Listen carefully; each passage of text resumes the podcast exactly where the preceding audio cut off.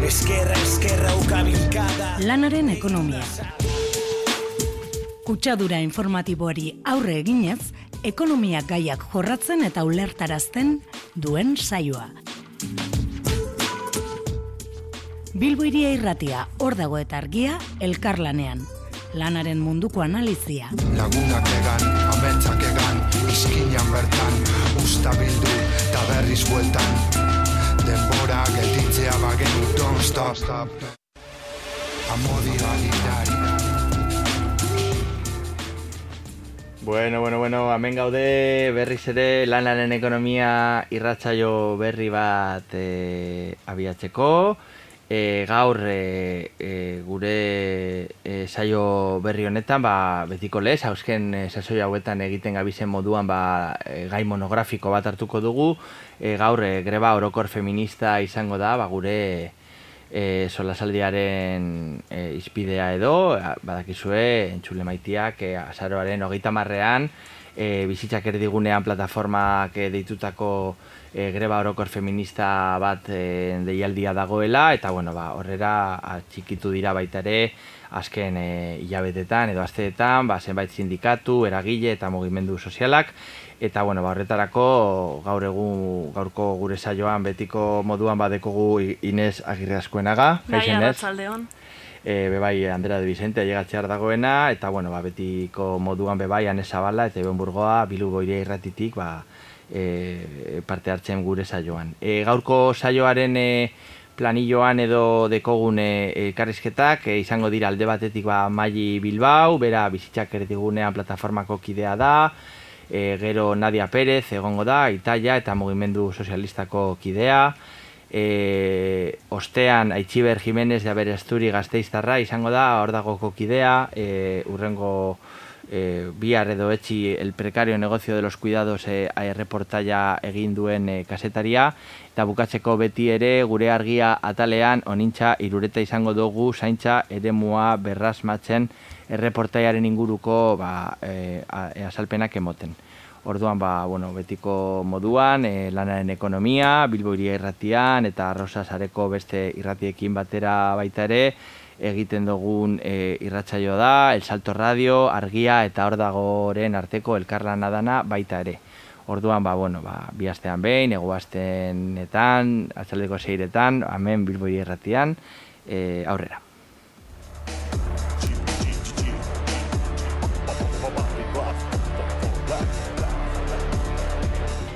Bueno, ba, em, hemen gaude berriro sindikal agenda komentatzeko, eta, bueno, gogoratzen dizuegu deialdi propioak ere em, esaten ditugula, orduan 6, lau, lau, lau, bederatzi, bederatzi, bos, bos, lau, telefonora, e, mezu bat bidalita ere zuen deialdiak esan al dituzuela. Eta azteko ja, e, gaur, azaroako geita bi, gogoratzen dizuegu korreoseko garbitzaileak laro geita zei egun daramatzatela greba mugagabean e, bost hilabete soldata jaso gabe baitaude.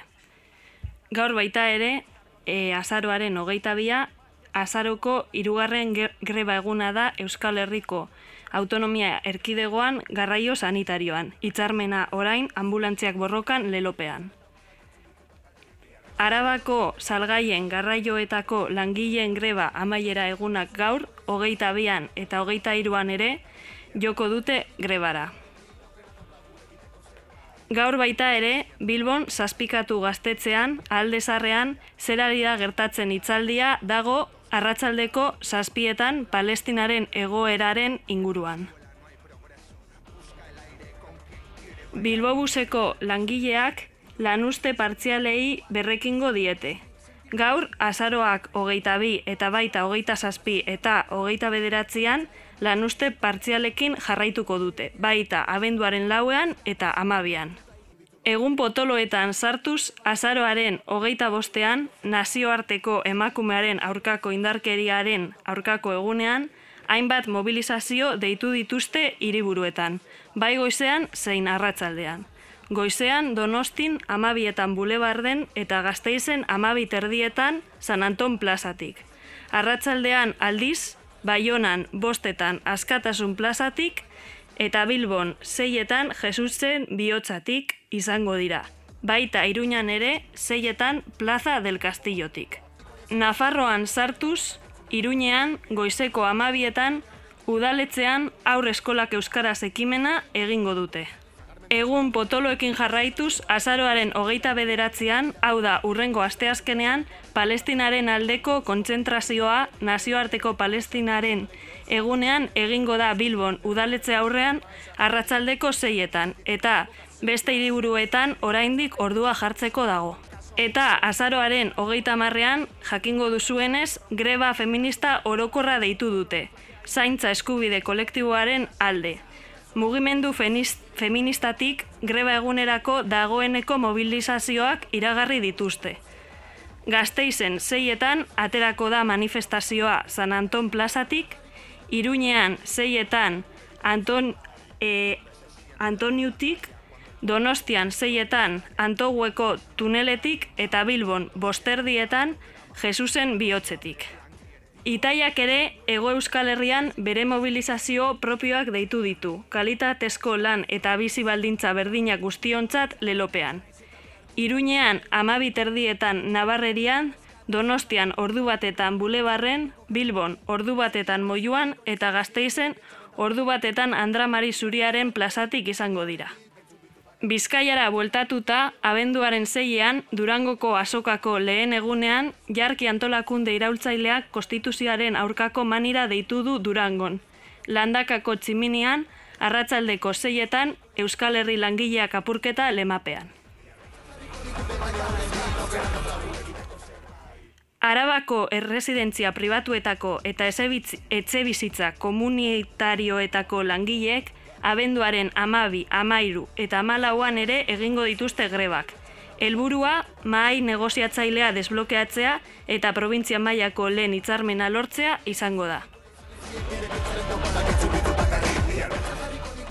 Eta amaitzeko azkenik Bilbobuseko langileek abenduaren hogeita batean, Santo Tomas egunean, egun osoko greba burutuko dute. Hitzarmenaren negoziazioan aurrepausorik ez bada ematen.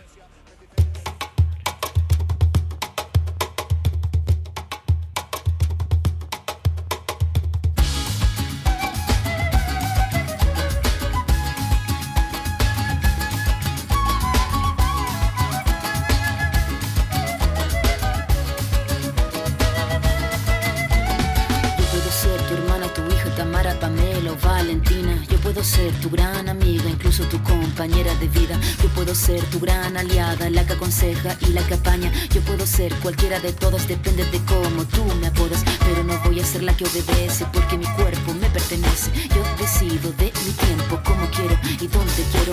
Independiente yo nací, independiente decidí. Yo no camino detrás de ti, yo camino de la para aquí. Tú no me vas a humillar, tú no me vas a gritar Tú no me vas a someter, tú no me vas a golpear, tú no me vas a denigrar, tú no me vas a obligar, tú me vas a silenciar, tú me vas a callar. No sumisa ni obediente, mujer fuerte, insurgente, independiente y valiente, romper la cadena de lo indiferente, no pasiva ni oprimida, mujer linda que das vida, emancipada en autonomía, antipatriarca y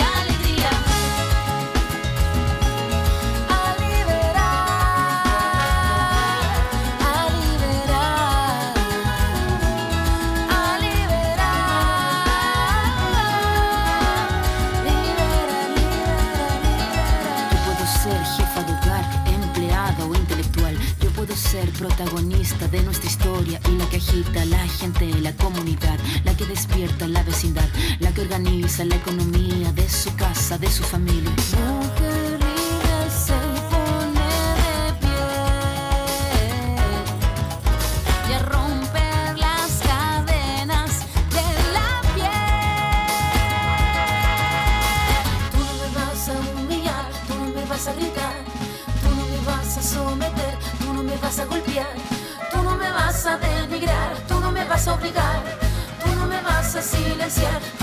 Сакая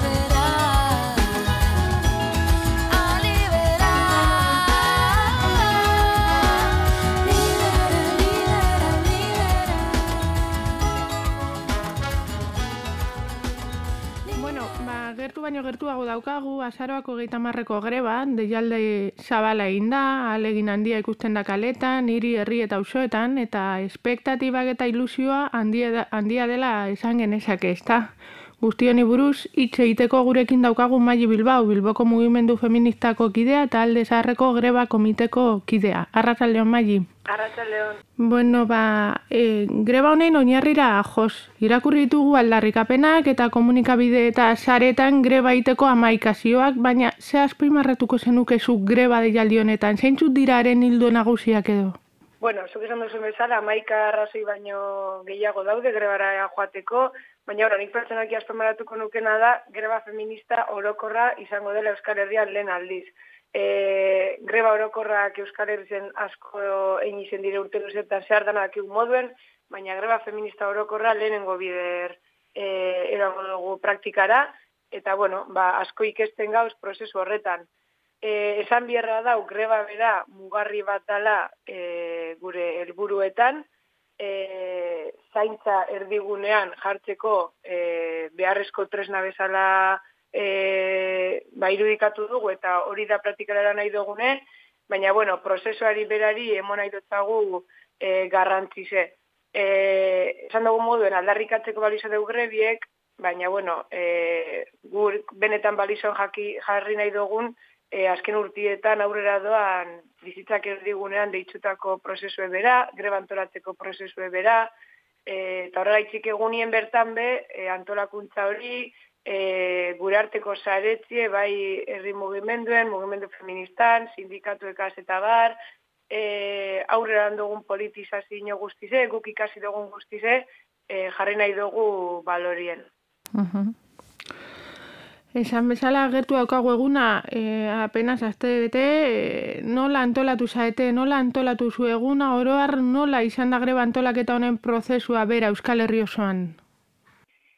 Bueno, balen esango neke oso aberatza, izeten ari dala, ni pertsonalki asko ikasi dut bide honetan, e, eize da esperimentu bat bai izeten dagoela, eta asko gauz ikesten. E, ba, publikoki deialdi zein gendunetik, e, gura usan adibidez, biloko aldez harrien, asamblada feminista jarri gendu zen martzan, e, lidergotza feminista hori e, beharrezko dalako e, nola ez zaintza greba baten, ez? Eta kurtza zidanetik bagabiz, ba, astero e, asamblada keitzen, alde batetik asamblada feministak eta gero bestetik ba, greba komite mistak. Greba orokorra da nahi nien, e, kontereukin je zaintzak danon arduri dela, ba, gizonezkoan parte hartzi ebe beharrezkoa da. E, orduen, ba, greba komite misto horrek be e, eitzen doguz, bi asterik behin, e, atzeuki gendun azkena, hausoan, datorren aztien nengo, nengo dugulako asamblada feministia azkena dena, eta, bueno, eta gero kaliek hartzen, e, ba, hausoko sektores berdinekaz e, bierrien hasieratik, e, bueno, bazaintzari lotutako espazio jakin batzukaz eta e, langile asko bai harremanetan, eta bueno, ba, topera gabiz, topera gabiz, kaliek behar hartzen, e, sozializetan, ja nahiko urduri egizetan, azterete falte da, orduen urduri gauz, baina, baina bueno, eta antolakuntzi gero holan herri zerrien da moduen, egize da, herri bakotxak beran e, erara autoantolatu dala, e, baina, bueno, nik balizan jarriko neke, e, gure hartien egondan saretzie, endogu zen, e, ba, bizkaiko adibidez, nire kasen bizkaiko asamblada oso jendetsuek, Euskal Herri mailan egon dizen asamblada gazteize, bueno, horren berri bepiko zen duen, baina oso jendetsuek izen dire, e, eta lehen esan dute moduen, ba, zaintzan sektoreko sujetu anitzekaz bi ba, oso berazgarri zeitzen da, e, sindikatu ekasle bai, oso paper garrantzitsu jokatzen dabiz, eta, eta bueno, ba, ba aurrera goaz. Uh Prozesu interesgarria, Magi. Greba deialdi hau, 2008 iruko urrian argitaratu zenuten zaintza eskubide kolektiboaren aldeko herri akordioaren baitan kokatzen da, ez da, e, nola ematen dako kapen hau, nondik eta nola atorkigu herri akordio hau, eta zeintzu dira beronen punturi garrantzituenak eo? E, bueno, ba, herri akordioa, e, salto kualitatibo bat dala esango nek nire iritziz, e, sektore eta kolektibo askok e, bere baitan hartu dutena, e, ariketa kolektibo bat izen da, e, zuk esan duzu moduen, e, argitara emon zan ondara gitxi, baina, bueno, ez da bai da, herriak ordio hau sortzeko, e, ez da bai da, eta e, hogeta bitik dauz e, martxan, eta nik asimaratuko nukena, izango zan alde batetik, e, bueno, ikusi alizen badozue, e, aldarrikapen ezberdinek e, jasotzen deuz, baina oso garantitzu ditziate, e, epeluzera ma, mm, marketan dugun gure helburu estrategikoa zaintza sistema publiko eta komunitario bat e, sortzi e, izen dabe, badauzela epe laburrera markatzen dizen lehentasunek eta horrek e, lehentasuna dizen nenien e, guztiz beharrezkoak bide maigainen jartzie eta erantzunliek seinaletie e, danoak igun moduen e, PNV e, sortute dekon zaintzen inguruko negozian barruen erantzuliek izen eta bizenak dekie, eta epe laburrerako marketan dauzen lehentasun horrek e, guztiz premiaskoak dide. Orduen, e, bueno, batzuk aipatziarren, e, zaintza sistema publikoa indartuen bida ja, e, zaintza zerbitzuen privatizazioan amaitzie guztiz beharrezkoa da, etxezetzeko laguntzie indartuen bida, e, nola ez, e, justo kasu honetan, eh, hain klabiedan atzerritartasun legie bertan bera itzi dira, eh, errondatzeko eskubidie guztientzako eskuragarri gon behar da, ja, eh, txeko langilei gutxineko zadatati gorako lanzaria zarri bilake, publikoa da neinien eh, lan eskubidiek eh, ba, duintu behar dizelako bebai, etxeko langileen lan erregimena, etxeko langileik dizenak lan erregimen orokorrean sartu bidire, bueno, pentsio duinak bebai biziosoan zaintzen egon dizen emakume horrentzako, mila eta laro eurokoa, e, bueno, ama sortzi dire, orduan ez danak irakurriko, baina e, horrek, e, pelaburera marketon dugu zen dentasun horrek, guztiz premiaskoak dire, eta nire ustez, e, ba, gaurdanik, lortu arte e, borrokatzen egon bigara. Eta, bueno, epeluzera markatzen dugu zen lentasun moduen, lehen esan dut ez da, baina zaintza sistema publiko eta komunitario bat da, guk uste dugune, e, daun artin sortu bi dugune, eta Euskal Herrirako e, eredue dana, eta horretarako, e, ba, purka, purke, bai gure zaintzan inguruko e, ulerkera kolektiboa aldatuen bida, eta eta lanien gauz e, gaurdanik. Ez dakit e, geroari begira ze, aurre ikusten duzuen gaiaren inguruan zenolako geroa irudikatzen duzuen Estatu Espainoloko gobernu jaio berri honen, honen ondorioz eta aldaketarik somatzen duzuen e, bertako azkeneko hauteskundeen emaitzei begira. Horren inguruko valoraziorik edo ausnarketak e, egin da okazu edo? E, lehen esan duten moduen, e, greba egune atorren hastien da, eta e, mugarri bat da e, prozesu guzti honetan, baina ez da helburu bere baitan. E, eta orduen ba, noski, bagabiz e, gaurdanik, e, ba, biharko egun hori, oza, abenduak batetik aurrera, e, zeintu dizen urrengo pausuek, e, definiteko bidien, ez da baidak emoten. E, bueno, onino, e, laborategi bat da, ja, bagabiz pentsetan Asamblea Nazional batzuk deitxe, bueno, bagabiz ez tabaidatzen, baina ez tekogu e, ondorio jakinik. Eta, bi, a ber, zuk ez, ez galdera horren erantzune, ba, konten eukinje e, prozesonen baitan, e, ba, sujeto eta askok parte hartzen dugule, ba, nire iritzi pertsonala bota aldotzut, baina, bueno, nire iritzi pertsonala da, eh? Zazteko gu, e, bota oso moduen sortu barri dan gobernuen inguruko e, bastakit erabakirik edo balera ziniorik.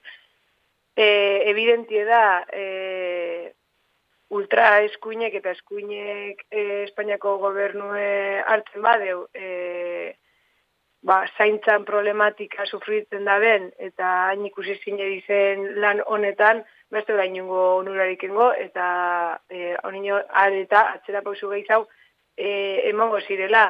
Baina, bueno, nik argidekot e, bidie zaintza sistema komunitario baterantz oinez eitziala, horretan aurrera lan guztizek, eta e, benetan bidera garri izeteko, nire ustez, e, guk itzen dugun planteamentu bat Euskal Herri mailan da, e, gure lurrari lotutez, oza, lotute, eta, eta bueno, pues, horretarako tresna balia garri ze, e, independentzia izango zan.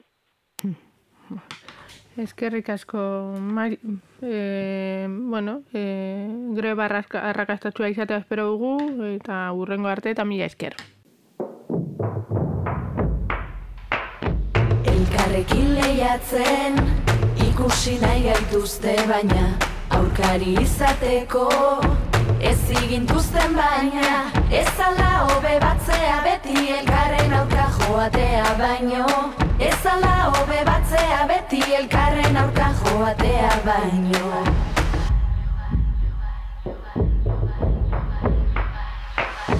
Objetu desiratu, eder esaneko perfektu Baina noiztik ez gara, desiradun sujetu Guk badakigun oren desira den zentroan ipini nahi duguna. Guk badakigu gure desira dela zentroan jarri nahi duguna. Besteen begirada Eraiki baldin bagaitu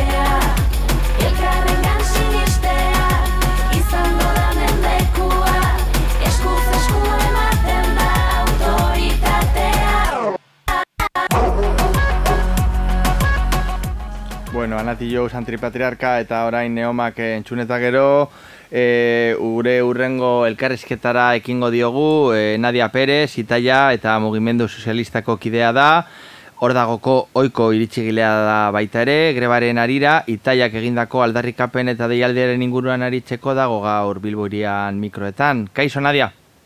Kaixo, arratsaldeon. Bueno, e, bizitzak erdigunean eta sindikatu abertzalek egindako greba deialdia emakumeen eskubideen aldeko egunan itxe izango da, itaiak bere dinamika propioa abiatu du. Zertan datza?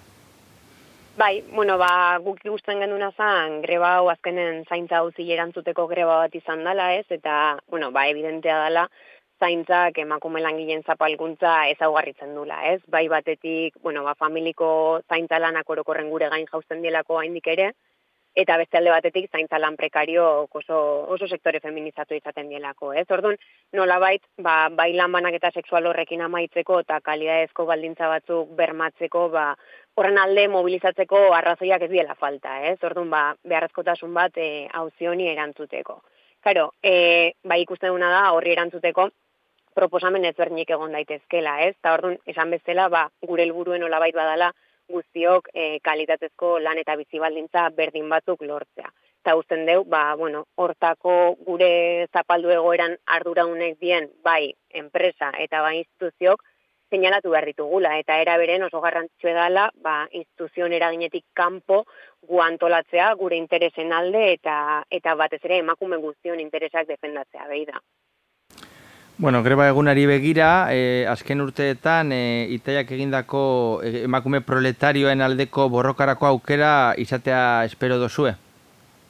Bai, bueno, a ber, greba ez da helburu bat bere hortan, ez? E, bueno, bai, ikusten dugu, aipatutako helburu horta biden laniteko tresna bat gehiago dela greba bea, ez? Historikoki, bueno, ba, langileen interesak defendatu eta borrokatzeko tresna politiko bat izan dela, eta hoain ere horretarako balio beharko ligukela. Orduan, ba, bueno, itaiak e, emakume langilekin e, lan aiten duen antolakunde bezala, ez, eta gure interesen defentsan lan iten duen antolakunde bezala, ba, usten dugu grebak balio behar digula zentzu hortan lan iteko. Bai alde batetik, e, bueno, ba, orokorren emakumen zapalkuntzan ingurun eta konkretuki e, zaintza hauzin gaie sozializatzeko, ez, zabalpena emateko batez ere sektore guzti horiei e, ahotsik eukitzen ez dutena oroko horren, eta horren, horren zabalpena ematea, eta beste alde batetik ere, e, ba horri atera, atera bidea emango dien proposamen politikon aldeko kontzientziazio lan batiteko, ez? Benetan, alik eta jende gehiena kontzientziatzeko zaintza hau aurren erantzun bat eman bar dela, baina, karo, er, erantzun horrek ere zen bideuki bar don, ez? Eta gure proposamena, ba, pixkat, sozialismon eraikuntzan aldeko e, e, linea hortatik edo ekarpena egitea. Bai, bueno, hor dago bertan, e, zuk zeuk argitaratutako artikulo batean, em, bai. goratuko dozu, aipatzen zenuen, mm. grebarako eragile desberdinen aldarrikapen nagusia, ez? Dan, e, zaintza bai. sistema publiko komunitarioko aldarrikapena, e, bueno, horren kritika edo e, eitzen zuia itaiatik, ez da? Zergatik? Bai, bueno, E, a ber, alde batetik argi da o, zaintza sektorea ete, etekin ekonomiko kateratzeko erabili nahi dutela, ez, enpresarik. E, Karo, sistema kapitalista ulertzen dugu ba, errentagarri izateko beharrizko ditula etengabe ba, sektore, merkatu sektore berrik irikitzea, eta gaina horri gaitzen zaiola nolabait krisi garai baten, instituzio beraiek ere iteuten inbertsio publikoa edo inbertsio soziala e, zerbitzu publiko guzti hauetan murrizten dala edo privatizazio prozesu bortitzek ematen diela ba jarraitzeko etekin horiek bermatzen, ez? Orduan, publiko eta zaiten duen publikoa da estatun edo administrazion gestio pendaun zerbitzu bat eta argi da usaneten bezala instituziok egiturazko muga bat badauketela dala azkenen e, beraien klase izaera bea, ez? Esan da, e, batzuk jarraitzeko beraien privilegioiek mantentzen beste batzun egoera bala bai okertu behar dala. Orduan, gure ustetan, zaintza publiko komunitarion proposamena azken finen ona oinartzen da instituziok nolabait presionatzea ba zaintza eskubide hori bermatzeko, baina benetan uzten dugu hoi ba bueno, nahiko ilusorioa edo amezkeri bat bihurtzen dela esan deten horregatik, ez? Eta orduan, proposamen horrek usteula e, dauken helburu benetan dala instituzio egotan leku bat lortzea, ez dolako inundik inoa demostratzen borondate bat e, politika instituzionalan markoi gainditzeko, ez? Eta gaina, evidentzi bat dala, honek e, ez gaitula emakume guztio kaskatuko, oza, nola baita aukera emango diela igual emakume batzui posizio hobe bat lortzeko, baino berriz ere e, okerren edo zaurgarrien dauden emakume horiek alboratuta galituko diela, eta gainea horiek sektore guzti horiek euki dezaketen burruka griñoi, ez, burruka irautzaileako griñoi, apaltzen dala burruka eta proposamen hauekin. Eta bueno, gero ja, eta bukatzeko, zehazki, azaroaren hogeita marrea begira, ba, zein da deko zuen plan gintza, ez? Zuen deialdi propioak e, egin dozu ez? Baina, bueno, e, manifestazio unitarioekiko zein da zuen e, de jarrera edo deitzeko joera? Bueno, guk e, azaroko gaita mar bezala burruka, burruka egun bezala definitzen dugu, ez? Eta izaera hoi eman nahi diogu egun oson zehar, ba, alik eta herri eta auzo gehienetan, eta horretarako, ba, bueno, ekimenez berdinek antolatu ditugu. Eta esan bezala, gure proposamena eta guke helduko deguna, izango da, e, ba, bueno, burrukata jardun politiko guztioi, norabidetzea, esan eten bezala, guztio, kalidadezko lan eta bizi baldintza berdin batzun lema horren pen, eta horregatik e, Euskal Herriko lau hiriburutan erabaki gendun e, gure mobilizazio propiok deitzea, ba, batez ere aldarrikapen politiko hiek mai gaineratzeko eta eta norabide hortan indarrak batzeko eta bueno, ba, ba horri jarriko diogu indarra egunen bertan. Oso ondo, ba, Nadia Perez, Itaiako kidea, eskerrik asko Bilburian erantzu, Bilburian galderei erantzutea gaitik. Urrengo batera arte. Gero arte bai.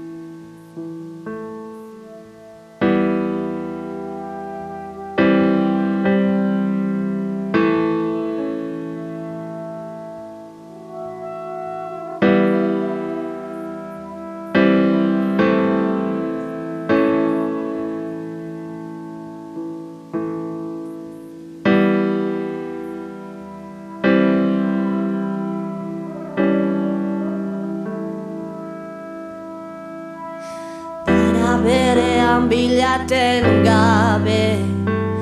Batua zer ekarriko dizun zaizaude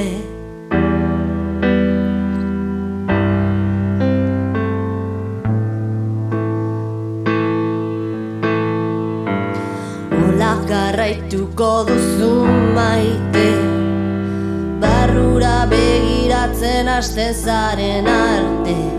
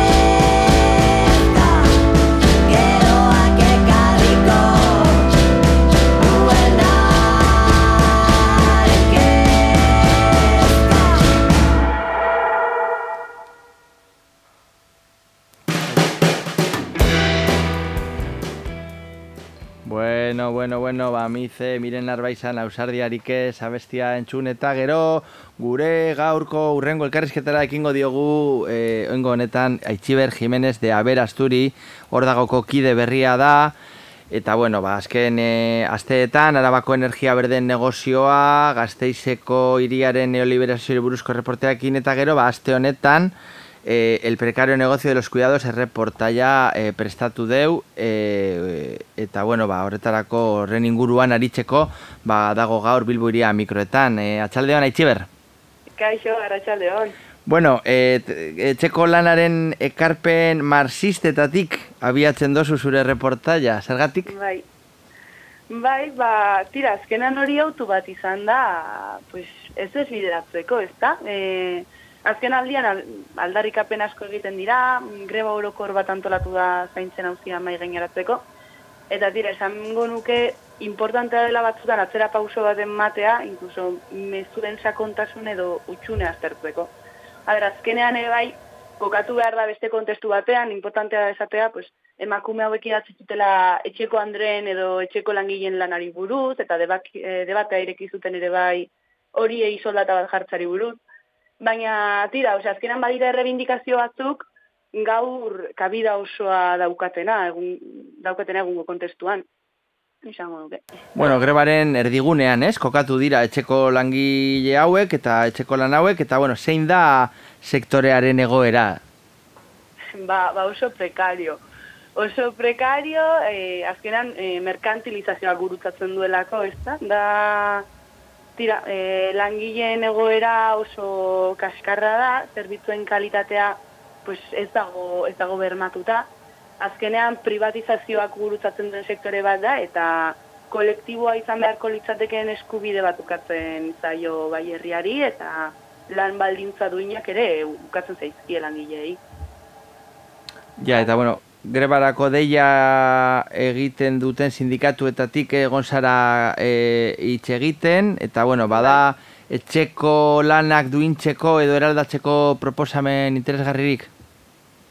Bai, bueno, tira, azkenean proposamen ezberdinak egiten dira, seguretan zeinekin hitz egiten duzun, ez da, pues, mugimendu feministatik, e, eta bueno, horrekin bat egin izan duten sindikatuetatik, nik bereziki esteilasekin hitz egin izan dut, eta hor defendatzen hortik defendatzen dute guztiz publikoa izango den zaintza zerbitzu bat, ez da, e, mugimendu feministatik inkluso sistema publiko komunitario bat eskatzen dute, hitz egiten dute ere bai zaintzaileen zaretzari buruz, Mm, tira, gero itaiatik e, kalitatezko bizitalan baldintzak eskatzen dituzte guztiontzat, eta hori sozialismoaren eraikuntzan kokatzen dute, baina, tira, bueno, eta inkluso, bueno, instituzio eta estatuak ere, pues, euren hogi apurrak edo euren hitzak botatzen dituzte noizeink, ez da, baina, azkenan ikuste importantea dela, botatzen diren alka, aldarrikapen horietatik edo, ikustea zer materializatuko den abenduaren batetik aurre.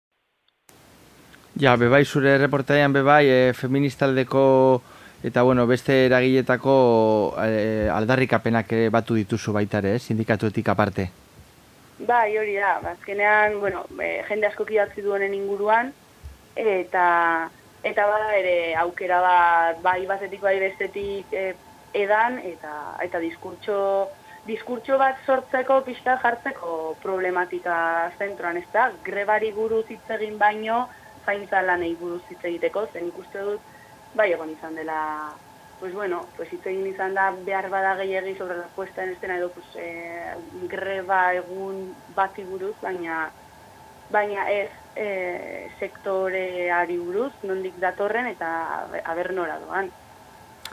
Claro, gainera orain e, grebaren atari honetan, e, azken asteetan ikusi dugu Eusko Alderdi Jeltzalea, ez, gobernu Baskotik, eta bueno, ba, purtsu bet potere ingurunetatik, bebai, grebarako aldarrikapenekin lerrokatxe moduko bat, behintza diskurtsi boki ez, erresidentziak, zaintxalanak, eskuntza, osasuna, eta alden dana merkantilizatzeko joera duen e, buruzagi politikoen aldetik.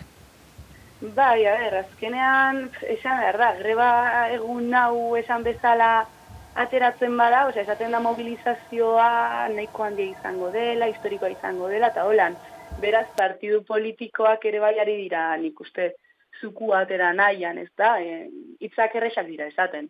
Eta gainera jakin da, ea, eko hauteskundeak hor bertan daudera udaberrian, pues, e, momentu egokia da ere bai, bueno, diskurtso honetan posizionatzeko. Ja, eta...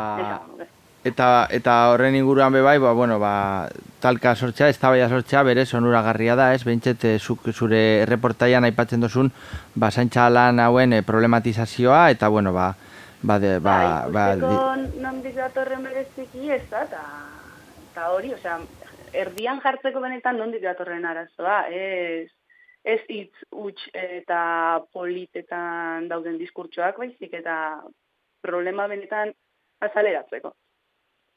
Eta bueno, eta ja e, bukatzeko aitziber, e, zube alabediko kidea zara, eta oin hogi beltza saio abiatzen dozu, eh? Zin izango da zure zuen saioaren abia puntua?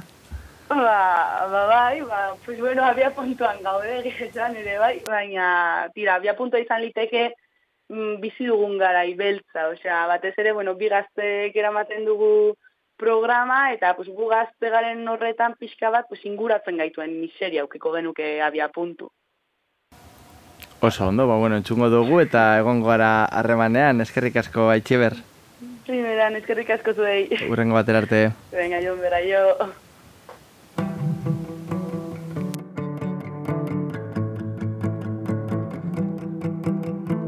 Parean eseri zaidan eska horrek ez dakit Berak dara mangertxea J.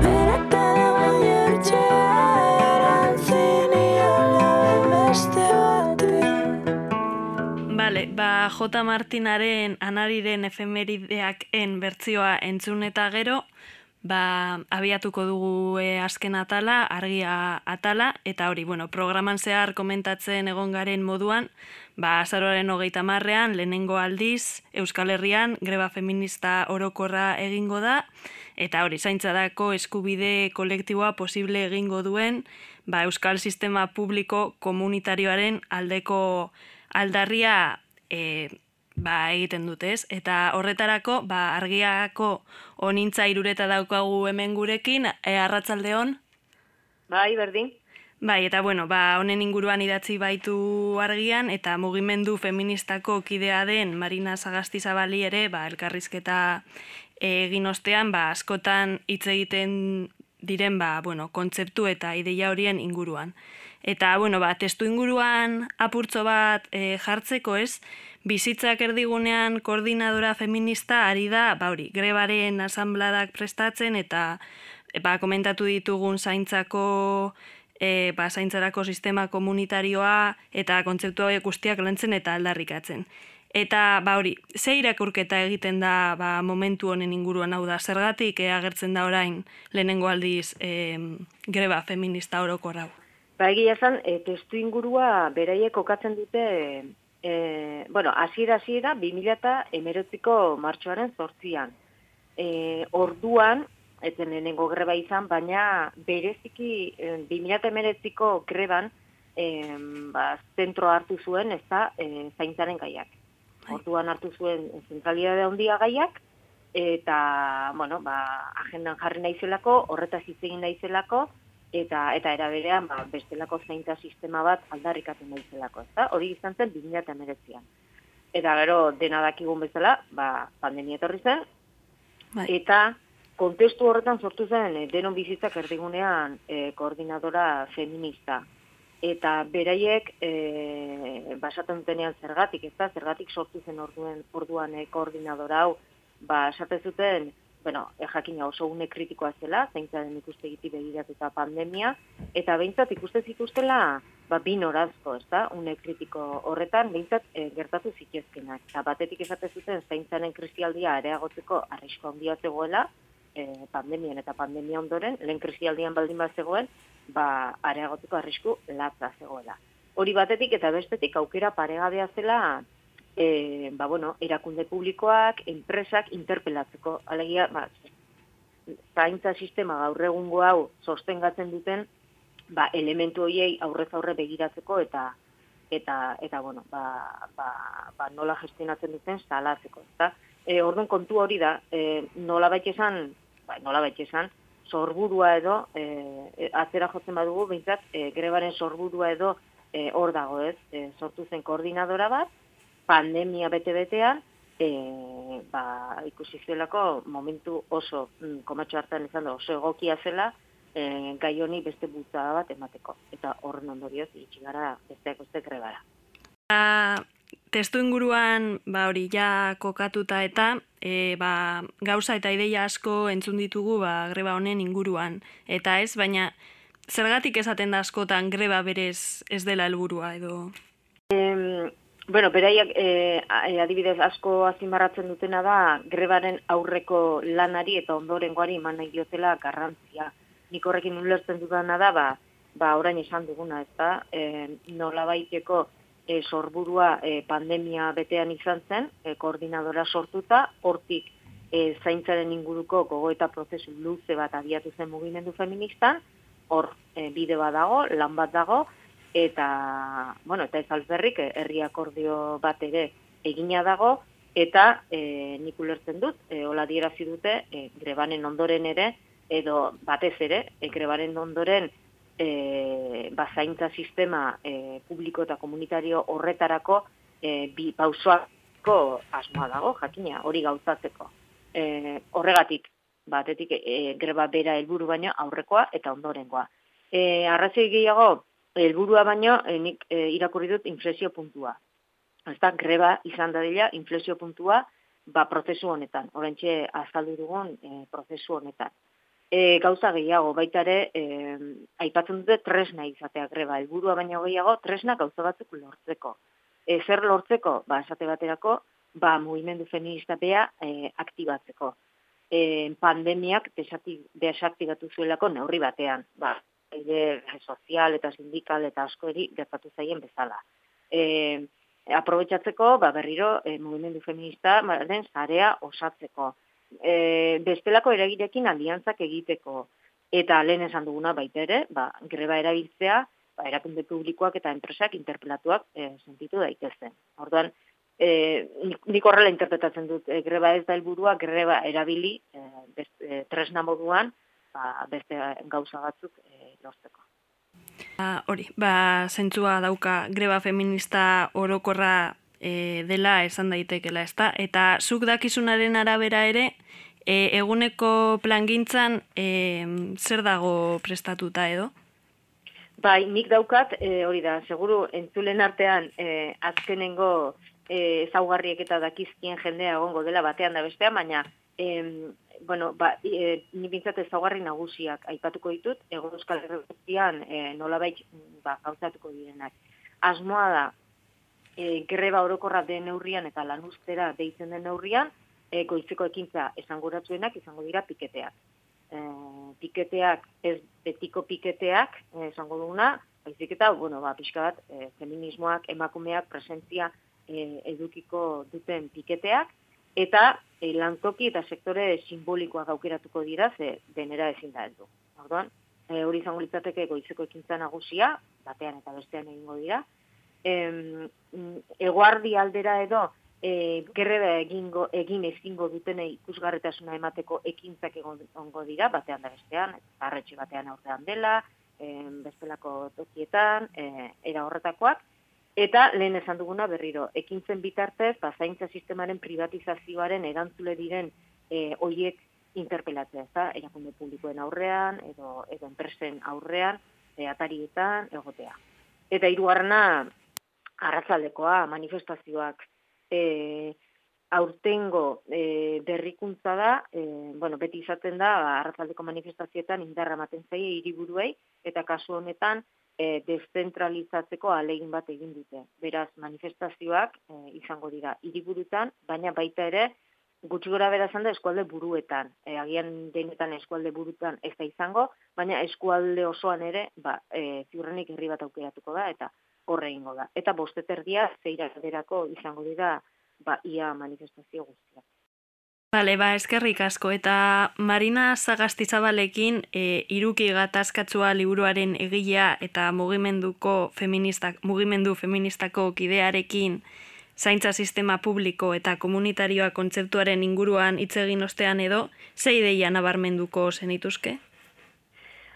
E, ea, e, azken finean, e, Marinak eskerrak egin du alegin bat azaltzeko nola irudikatzen duten prozesu honetan, ba, esate baterako publikoa kontzeptua zer esan nahi duen, eta komunitarioak, ez, nola ulertu behar diren. Eta saiatuko nahi, ba, olako, ba, pintzela batzuk ematen e, nola ulertzen e, diren, naiz eta beraiek aitortzen duten, asko eztabaidatu eta gogoetatu behar dela e, ba, kontzeptuaren inguruan ere e, publikoa, publikoa bereik esaten dute, ulertzen dela, e, orain baino zerbitzu gehiago e, izango dituen sistema bat, eta kalitatezkoak. Hau da, e, zerbitzu publiko horrek lortu behar du e, langile lanbaldintzak onak izatea, zaintzaliek, beraiek, ez, lanbaldintza onak izatea, eta e, guztiok, e, gizarteko kide guztiok, zaintzalanak e, jasotzea bermatzea. Horretara, helburu hori lortu beharko luke zerbitzu e, publiko horrek. Eta gero, e, ohar nagusia, esango nuke, e, zerbitzu publiko hiek ezin dira izan merkantilizatuak. Alegia, e, ezin du izan helburua e, negozio egitea. Horrela jasotzen dute, hain justu, e, salatzen dutelako, gaur egungo zerbitzu publikoak asko privatizatuta daudelako, eta negozio iturri bihurtu dutelako e, bueno, bi izan ditut bi, bi e, ezaugarri, eh, bizka bat e, kokatzeko. Eta komunitarioaren kasuan, ba, e, esaldi hau askotan errepikatu du mugimenduak, eta horrela esaten du askatasunez, eta kompromiso zaintza eskaini eta jaso behar dugu. Bi eskaini eta jaso. Eta, eta beste esaldi bat erabiltzen dute, asko gustatzen zain, nola esaten duten, inor ez dago libre zaintza lanetatik. alegia denon ardura da zaintza.